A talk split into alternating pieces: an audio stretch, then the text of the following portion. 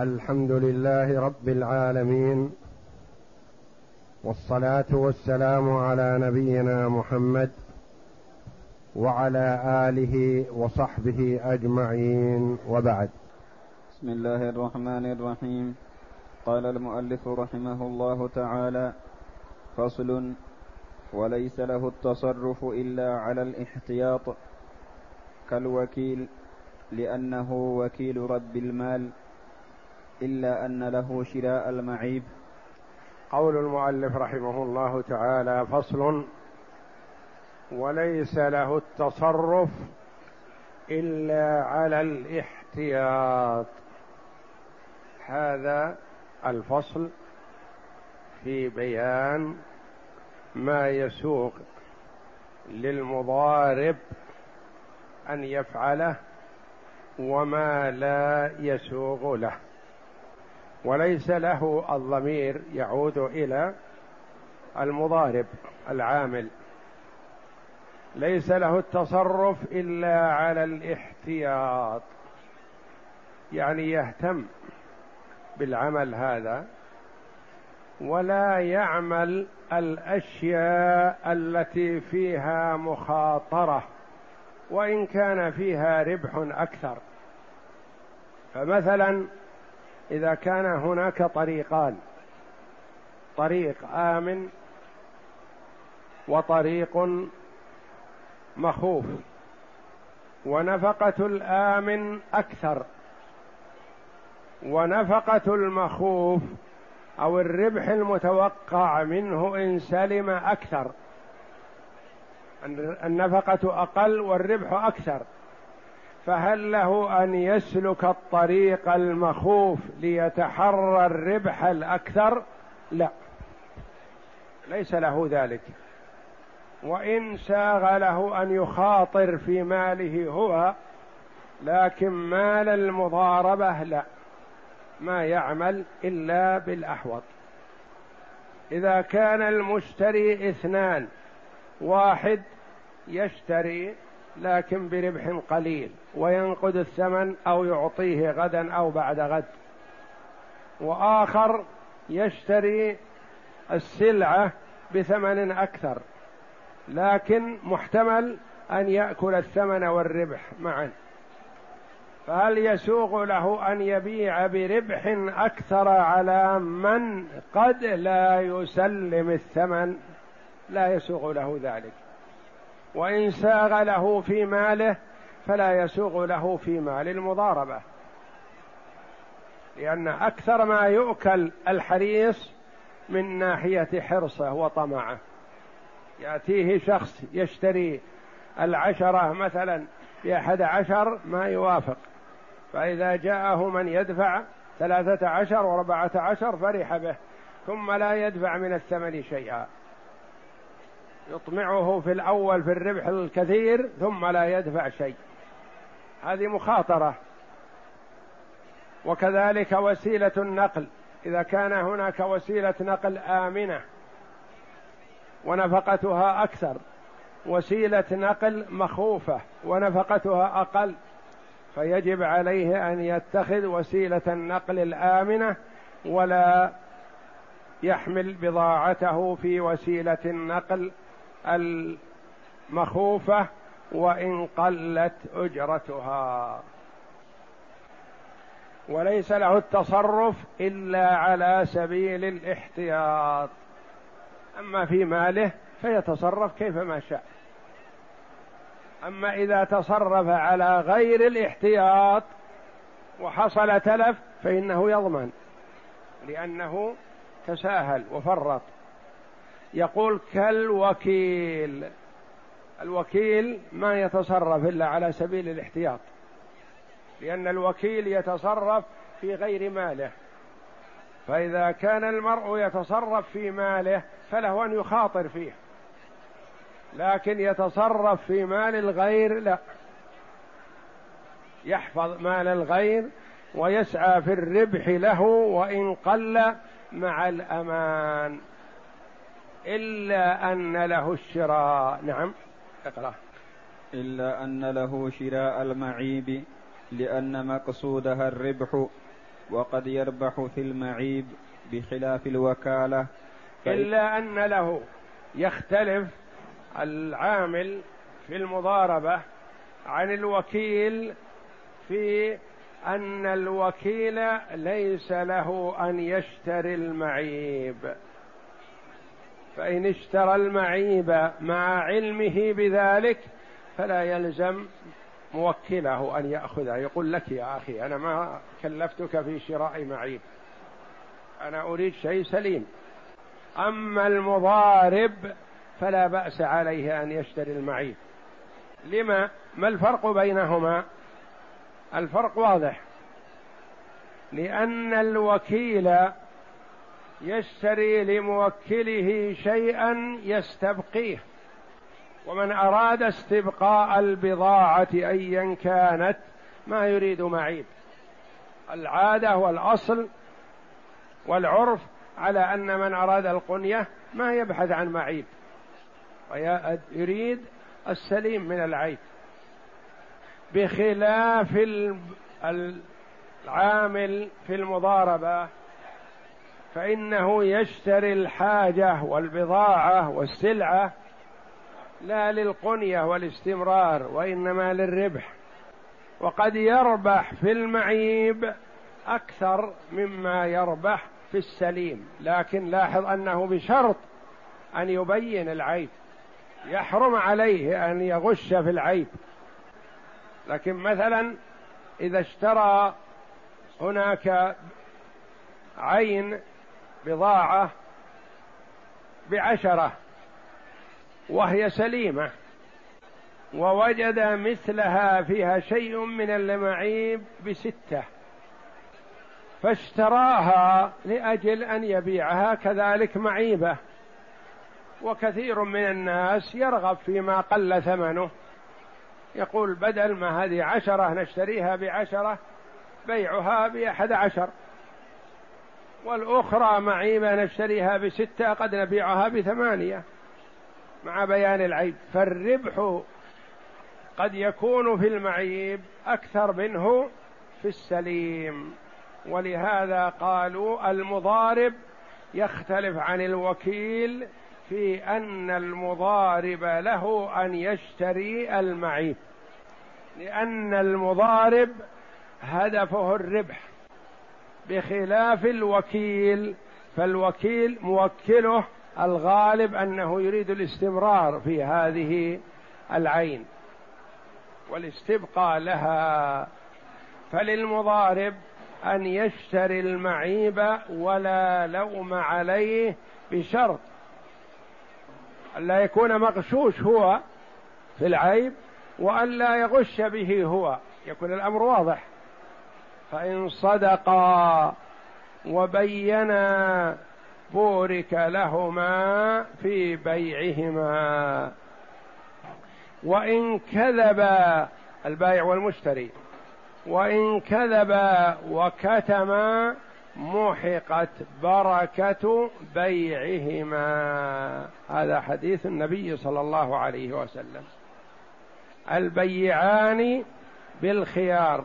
ما لم يتفرقا فإن صدقا وبينا بورك لهما في بيعهما.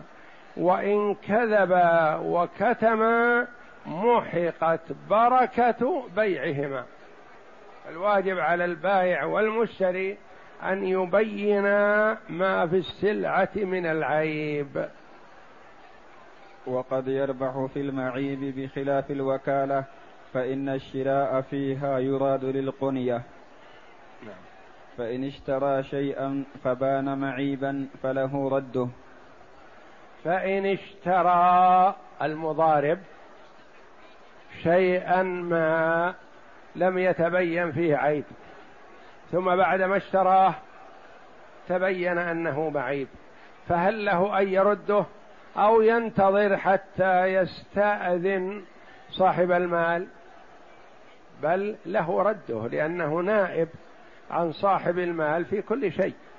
فإذا اشترى المعيب بدون علم أما إذا اشتراه على أنه معيب فليس له رده. لأن المعيب إذا اشتراه الإنسان وبين له العيب فليس له رده. خلاص أنت أقدمت على هذا المعيب وتعرف أن هذا المعيب نزل شيء من القيمة. بيع عليك بثمانين مثلا. ولو كان سليم لكانت مئة وعشرين. فأنت ما اشتريته بثمانين إلا لأنه معيب. لكن شيء اشتريته بمئة على أنه سليم. ثم لما فتشت فيه وجدته معيبا فهل للمضارب أن يرده؟ أم يقال له ارجع إلى صاحب المال؟ لا بل له أن يرده لأنه نائب عنه في هذا الشيء. فإن اختلف هو ورب المال في رده فعلى ما فيه النظر لأن المقصود الحظ لهما. فإذا اختلفا قدم الأحظ. فإن اختلف هو ورب المال في رده فعل ما فيه النظر. يعني اشترى شيئا لم يعلم بعيبه. اشتراه بمئة لم يعلم بعيبه. ثم تبين أنه معيب. فقال لصاحبه يا أخي سلعتك التي اشتريت منك فيها عيب وما أخبرتني عنه ولا يجوز لك ذلك.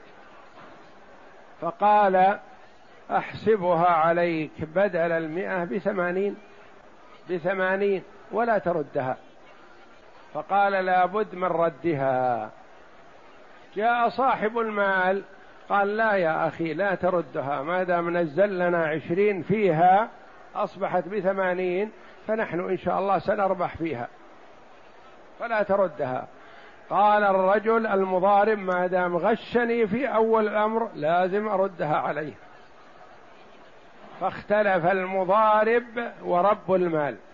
رب المال يقول اقبلها والمضارب يقول لا أردها لابد من ردها أو العكس أو المضارب يقول نقبلها ما دام نزل لنا عشرين وأصبحت بثمانين نقبلها ويقول رب المال لا ما دام هذا الشيء مبدأه من الغش أنا ما أرضى أن يدخل مالي. ولا بد من ردها. يعني اختلف الاثنان المضارب ورب المال. القول قول من؟ نقول لا قول هذا ولا قول هذا وإنما نعرض على أهل الصنف. أيهما أصلح؟ رد هذه السلعة ما دام أن الرجل غش فيها نعطيه درس يتأدب ما يتعود للغش يعرف أنه إذا غش في سلعة ستعاد عليه. أم إن الأحظ قبوله ما دام أنه نزل عشرين في المئة وأصبحت بثمانين ونحن نبحث عن الربح ممكن نبيعها مع بيان العيب بتسعين. من يقبل قوله من الاثنين يرجع إلى أهل النظر وأهل الصنف. نقول ما ترون أيها أحسن ردها وأخذ الدراهم أم قبولها ما دام خفض من القيمة؟ أيه أقرب للربح؟ أن نبحث عن الربح. لكن نريد الربح الحلال. ولا نريد أن نغش مثل ما غشنا. لا نبي نبين السلعة. نقول هذه فيها كذا وكذا. فيرجع إلى أهل النظر في هذا. إذا اختلف الاثنين لأن كل واحد له حظ. وقد يكون له هدف. كل واحد له هدف.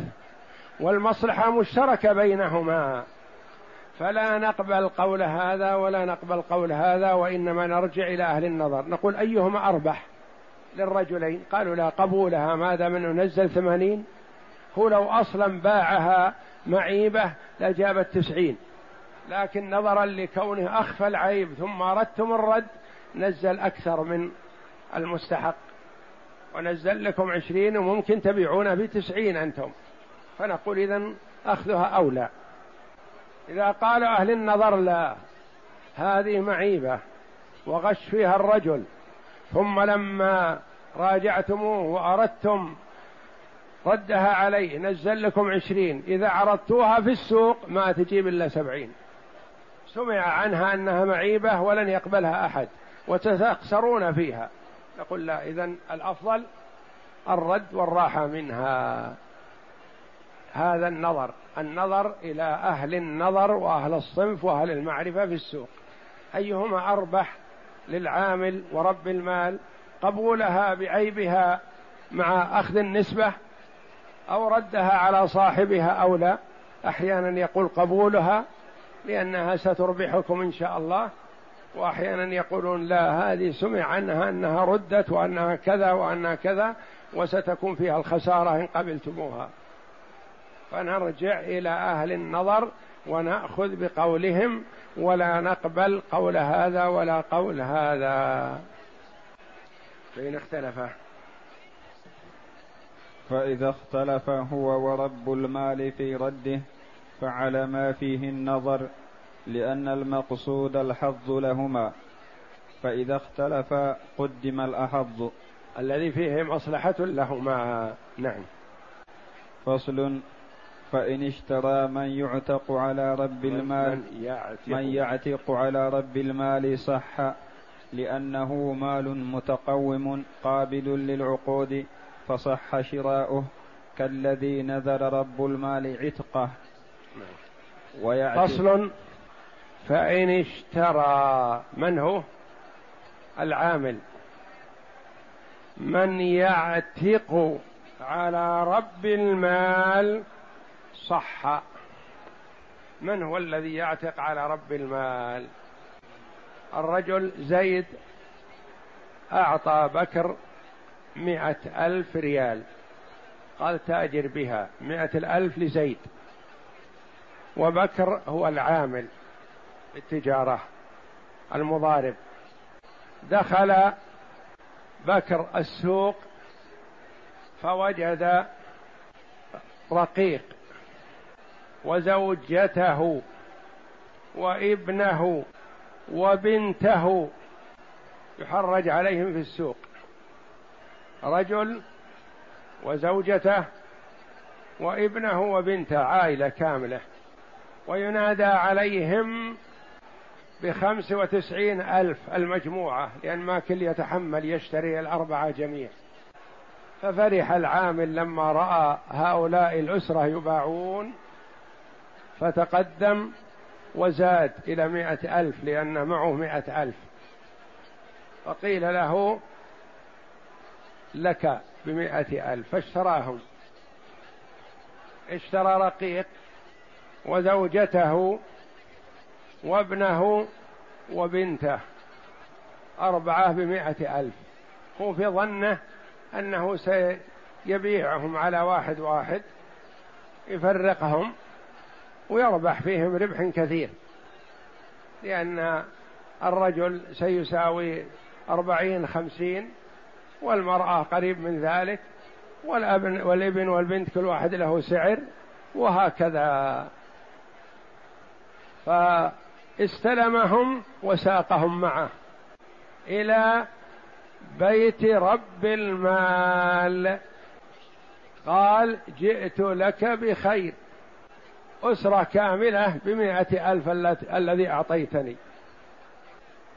فحينما أبصرهم رب المال إذا هذا أبوه الرقيق والرقيقة أمه والابن أخوه والبنت أخته هؤلاء بمجرد الشراء يعتقون. والرجل تو عتق قريب ويريد أن يجمع مال حتى ينتفع. فإذا بماله دفعة واحدة ذهب قيمة لأبيه وأمه وأخته وأخيه. لأن الشراء ليس للعامل اللي شراهم العامل ما يعرفهم. والشراء لرب المال الدراهم دراهم رب المال. وإذا اشترى المرء ذا محرم منه. عتق بمجرد شراءه. اشترى أباه عتق اشترى ابنه عتق اشترى أخته عتقت اشترى عمته عتقت. ما يصلح أن الرجل يسترق محارمه. فما الحكم؟ هل الشراء فيه شيء يصح أو الشراء ما يصح؟ وهل يعتقون؟ يذهب رأس المال دفعة واحدة. ما الحكم؟ قال رحمه الله فإن اشترى من يعتق على رب المال صح يعني الشراء صحيح لأنه شراء في وسط السوق ما في إشكال. لأنه مال متقوم الذي هو الأب والأم والبنت والولد هؤلاء مال. إما شراهم بكر شراهم غيره. قابل للعقود يعني هم معروضين للبيع وبيعهم صحيح. فصح شراؤه الذي هو بكر شرى هؤلاء الأرقاء بمال زيد الذي هو ابنهما. صح الشراء. مثل لو نذر رب المال عتقه. قال مثلا رب المال هذا الرقيق عند زيد رجل صالح ويسابقنا إلى المسجد وفيه خير ويسعى في نفع المحتاجين. لله علي إن اشتريته فهو عتيق لوجه الله. هذا رجل صالح. لله علي إن اشتريته أو إن دخل في ملكي فهو حر لوجه الله.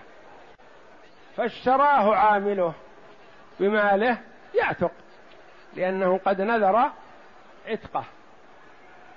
وكذلك هنا اشترى أباه وأمه ويعتق على ويعتق وعلى العامل الضمان. من تكون عليه المئة الألف الأب والأم والبنت والولد يعتقون. ومن يضمن القيمة العامل هو الذي ورط صاحبه. يقول اشتريت أبي وأمي وأخي وأختي فعتقوا علي فأفسدت مالي. أفسدت مالي معي مئة ألف. أوشكت أن أكون من التجار. فإذا بي دفعة واحدة في لحظة واحدة ما بقي معي ولا درهم. ووالدي ووالدتي أرقى عند فلان هو محسن إليهم وأتوقع أنه يعتقهم لو طال الزمن لكنك أنت استعجلت واشتريتهم. لو أبقيتهم عنده هو على وشك سيعتقهم. من يكون يضمن المئة الألف هذه؟ العامل يضمنها لأنه ضيع مال صاحبه دفعة واحدة. ما بقي شيء. وعلى العامل الضمان لأنه اشترى له من يعتق عليه كأنه خسر في ماله كله. نعم. علم أو لم يعلم. قد يقول العامل ما أدريت أنا أنهم أبوك وأمك ولا عندي أي علم. نقول مهما يكون. أنت الذي ضيعت مال صاحبك بدون مقابل يعود إليه. علم وعلى العامل الضمان علم أو لم يعلم لأن مال المضاربة تلف بتفريطه. بتفريطه بكونه اشترى من يعتق على رب المال. نعم.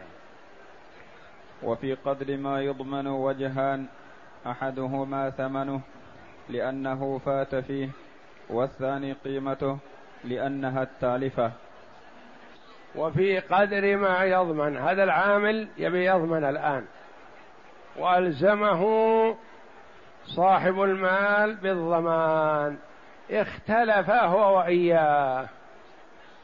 عند الضمان. هو التزم العامل الآن. عرف أنه تورط وأنه سيضمن. لكن ماذا يضمن؟ يضمن الثمن الذي دفع مئة ألف أو يضمن القيمة التي لو نودي عليهم بها؟ لا. دفعت لهم قولان وإلا الضمان استقر على العامل. ما الفرق بين الثمن والقيمة؟ هناك فرق. قد يقول لك قائل هذا ثمنه كذا أو قيمته كذا. ثمنه الذي دفع فيه. هو اشترى هؤلاء الأسرة بمائة ألف. هذا الثمن. وكان يتوقع أنه ينقلهم الأسرة بكاملهم ولا عاد بالتفريق ما يلزم. ينقل الأسرة بكاملها ويبيع في محل آخر 120 يقول له رب المال أنت اشتريت بمئة لكن لو بعنا الوالد والوالدة وكذا في سوق كذا في سوق فيه حركة للرقيق لجاءوا بمئة وخمسين ألف فأنت تضمن لي مئة وخمسين ألف لأنك فوتها علي. يقول هل يضمن الثمن الذي دفعه مئة ألف؟ أو يضمن القيمة التي ممكن أن تباع فيها مئة وخمسين ألف أو مئة وعشرين ألف؟ قولان. أحدهما ثمنه لأنه فات فيه. والثاني قيمته لأنها التالفة يعني لما عتق تلفت القيمة التي يفكرون في بيعهم بها. نعم.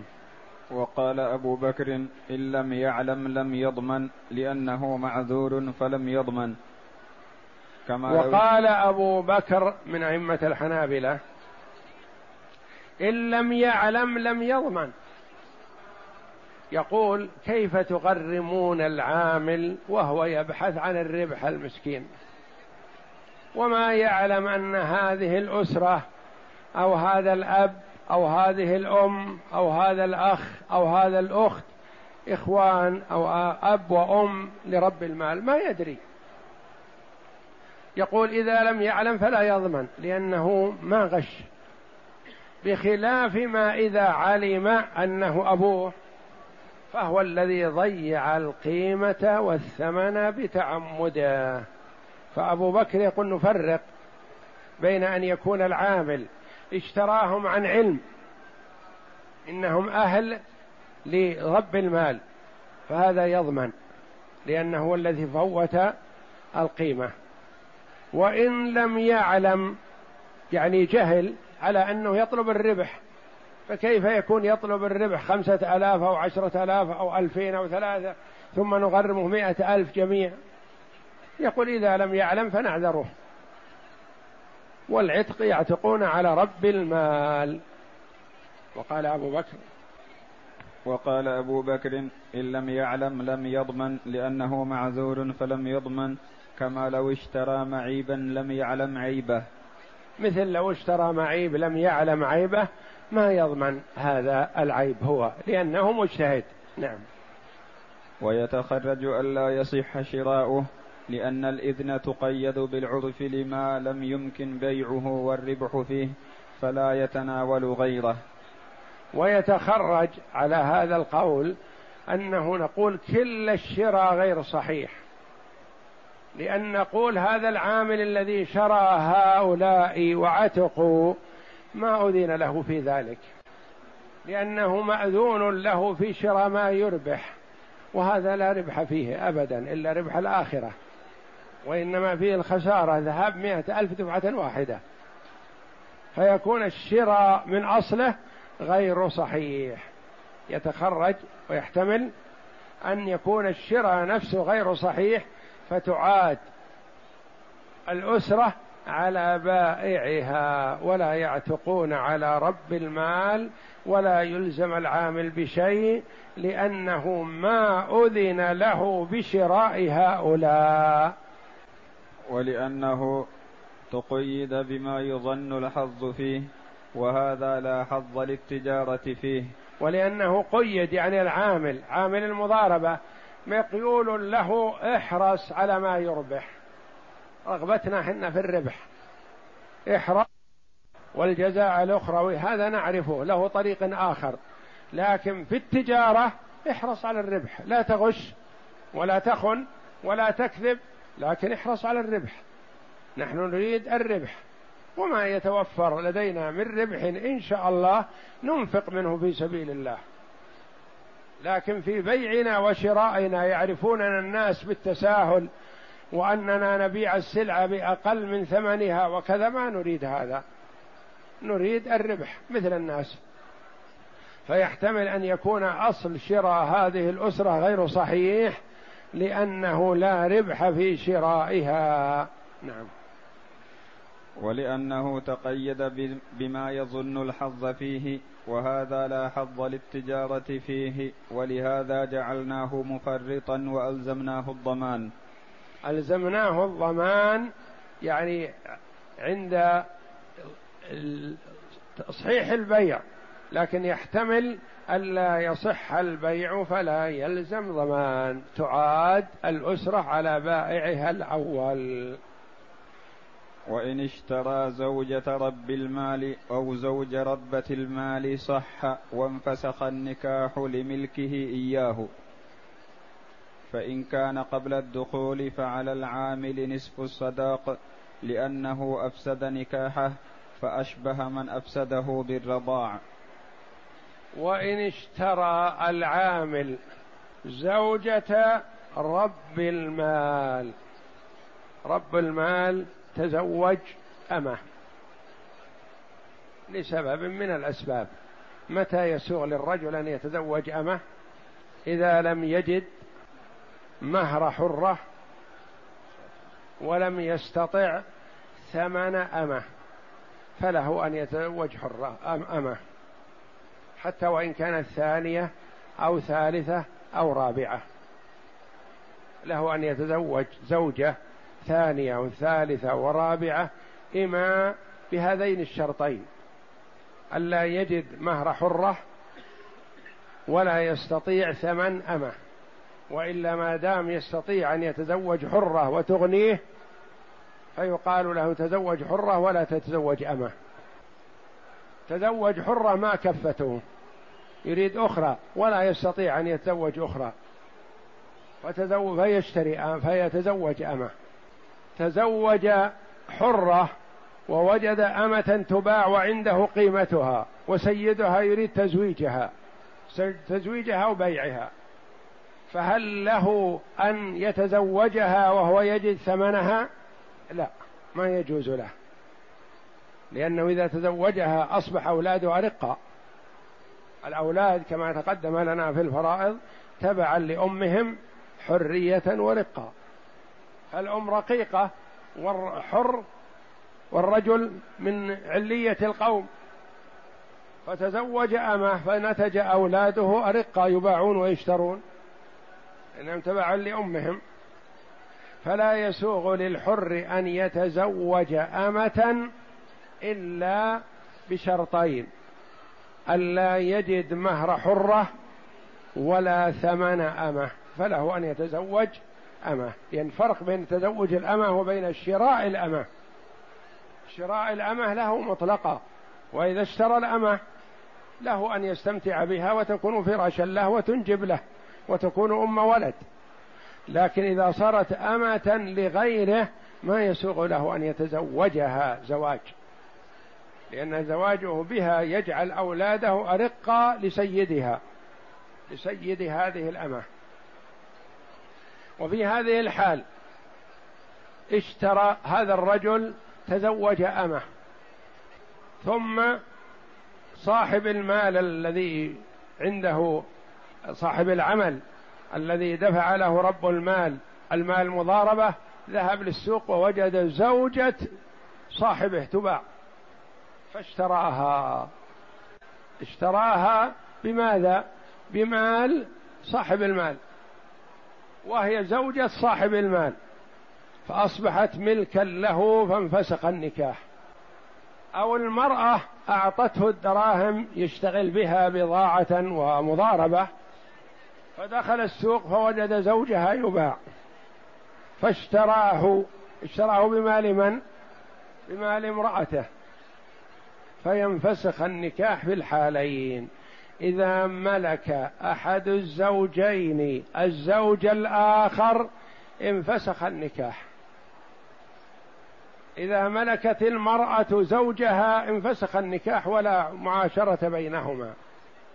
وإذا ملك الزوج زوجته انفسخ النكاح وأصبحت تصح أن تكون فراشا له لأن أمة له أصبحت ملكه. فإن كان بعد الدخول ينفسخ النكاح ولا يلزم أحدهما شيء. وإن لم وإن كان قبل الدخول لزم العامل نصف المهر لأنه أفسد النكاح قبل الدخول وإذا فسد النكاح قبل الدخول فيلزم نصف المهر. وهذه الأمثلة والصور من المؤلف رحمه الله تعالى كانت سائرة ودارجة في وقتهم فيمثل فيما يدور حولهم ليفهم الطلبة ما يوضع ما يباع ويشترى بين أيديهم. وأما الآن إلا إن فتح الله على المسلمين باب الجهاد في سبيل الله واسترقوا الكفار من ال من السبي وحصل مثل ما حصل في الصدر الأول البيع والشراء للإماء. بيعا صحيحا لا إشكال فيه فلا حرج. لأن بيع الأرقة وشراءهم لا إشكال فيه إذا كان الرق صحيح ونزيه سببه الكفر. فكان في الصدر الأول الرق سببه الكفر. كفر هذا الرجل واسترقاقه أو أبوه أو جده أو جد جده. فأصل الرق للمرء وما تناسل منه بسبب الكفر. وهذا هو الرق الشرعي. وأما الرق الذي كان قبل سنوات هنا وفي بعض البلاد ما كان رق شرعي. أكثره سرقة لأن فيه تجار الرقيق معروفون يذهبون إلى الأماكن النائية والبعيدة وما استطرفوا من طفل أو طفلة سرقوه. ثم جاءوا به إلى الأسواق التي تشترى فيها الرقيق وباعوه هو حر. فلذا رأى ولاة الأمر في ذلك الوقت تحرير ما بأيدي الناس من الارقه لأنهم ما يعرف أنهم رق شرعي. وعرف أن هذا مسروق من كذا وهذا مسروق من كذا. وبعضهم كما يتحدث يقول خرج من أهله يذهب إلى المدرسة معه لوح. يقرأ فيه. فإذا به ينقل من بلد إلى بلد إلى بلد حتى يباع في أقصى مكان. يقول أعرف نفسي ذهبت من أهلي للمدرسة فاختطفت ثم جيء بي وبيع بيع في أماكن متعددة من مكان إلى مكان حتى صار في يد رجل صالح فأعتقه. فكان هذا الرق مو شرعي ولا صحيح. الرق الشرعي هو أن يستولي المسلمون على رجال ونساء وأطفال الكفار بسبب كفرهم. ثم يقسم الإمام الارقه على الغانمين على المجاهدين في سبيل الله. ثم من جاءه امرأة فله أن بعد أن يستبرئها أن يستمتع بها وله أن يزوجها وله أن يبيعها. ومن صار نصيبه غلام له أن يستخدمه وله أن يبيعه. وهكذا. هذا هو الرق الشرعي سببه الكفر لا السرقة. فأشبه. فإذا كان بعد الدخول فلا شيء حينئذ يفسد النكاح ويبطل. وإن كان قبل الدخول فكذلك فسد النكاح وعلى العامل نصف المهر لأنه فوته على صاحبه. أشبه الرضاع يعني من أفسد نكاح رجل بإرضاع زوجته فعليه نصف المهر. كأن يكون رجل مثلا كبير يتزوج بنت صغيرة ترضع. فتأخذ زوجة أخيه هذه الطفلة وترضعها. فأفسدت نكاحها من أخي زوجها لأن زوجها أصبح عما لها لأن اللبن لأخيه. وأرضعت هذه الطفلة زوجة أخيه فأصبح عما لها. فمن يضمن المهر الذي يلزم إعادته؟ الذي هو النصف يلزم زوجة الأخ هذه التي أرضعت زوجة أخي زوجها لأنه أصبح عما لزوجته من الرضاعة ففسد النكاح. فعلى المرأة المرضعة نصف المهر لأنها أفسدت النكاح. والله أعلم. وصلى الله وسلم وبارك على عبده ورسول نبينا محمد وعلى آله وصحبه أجمعين.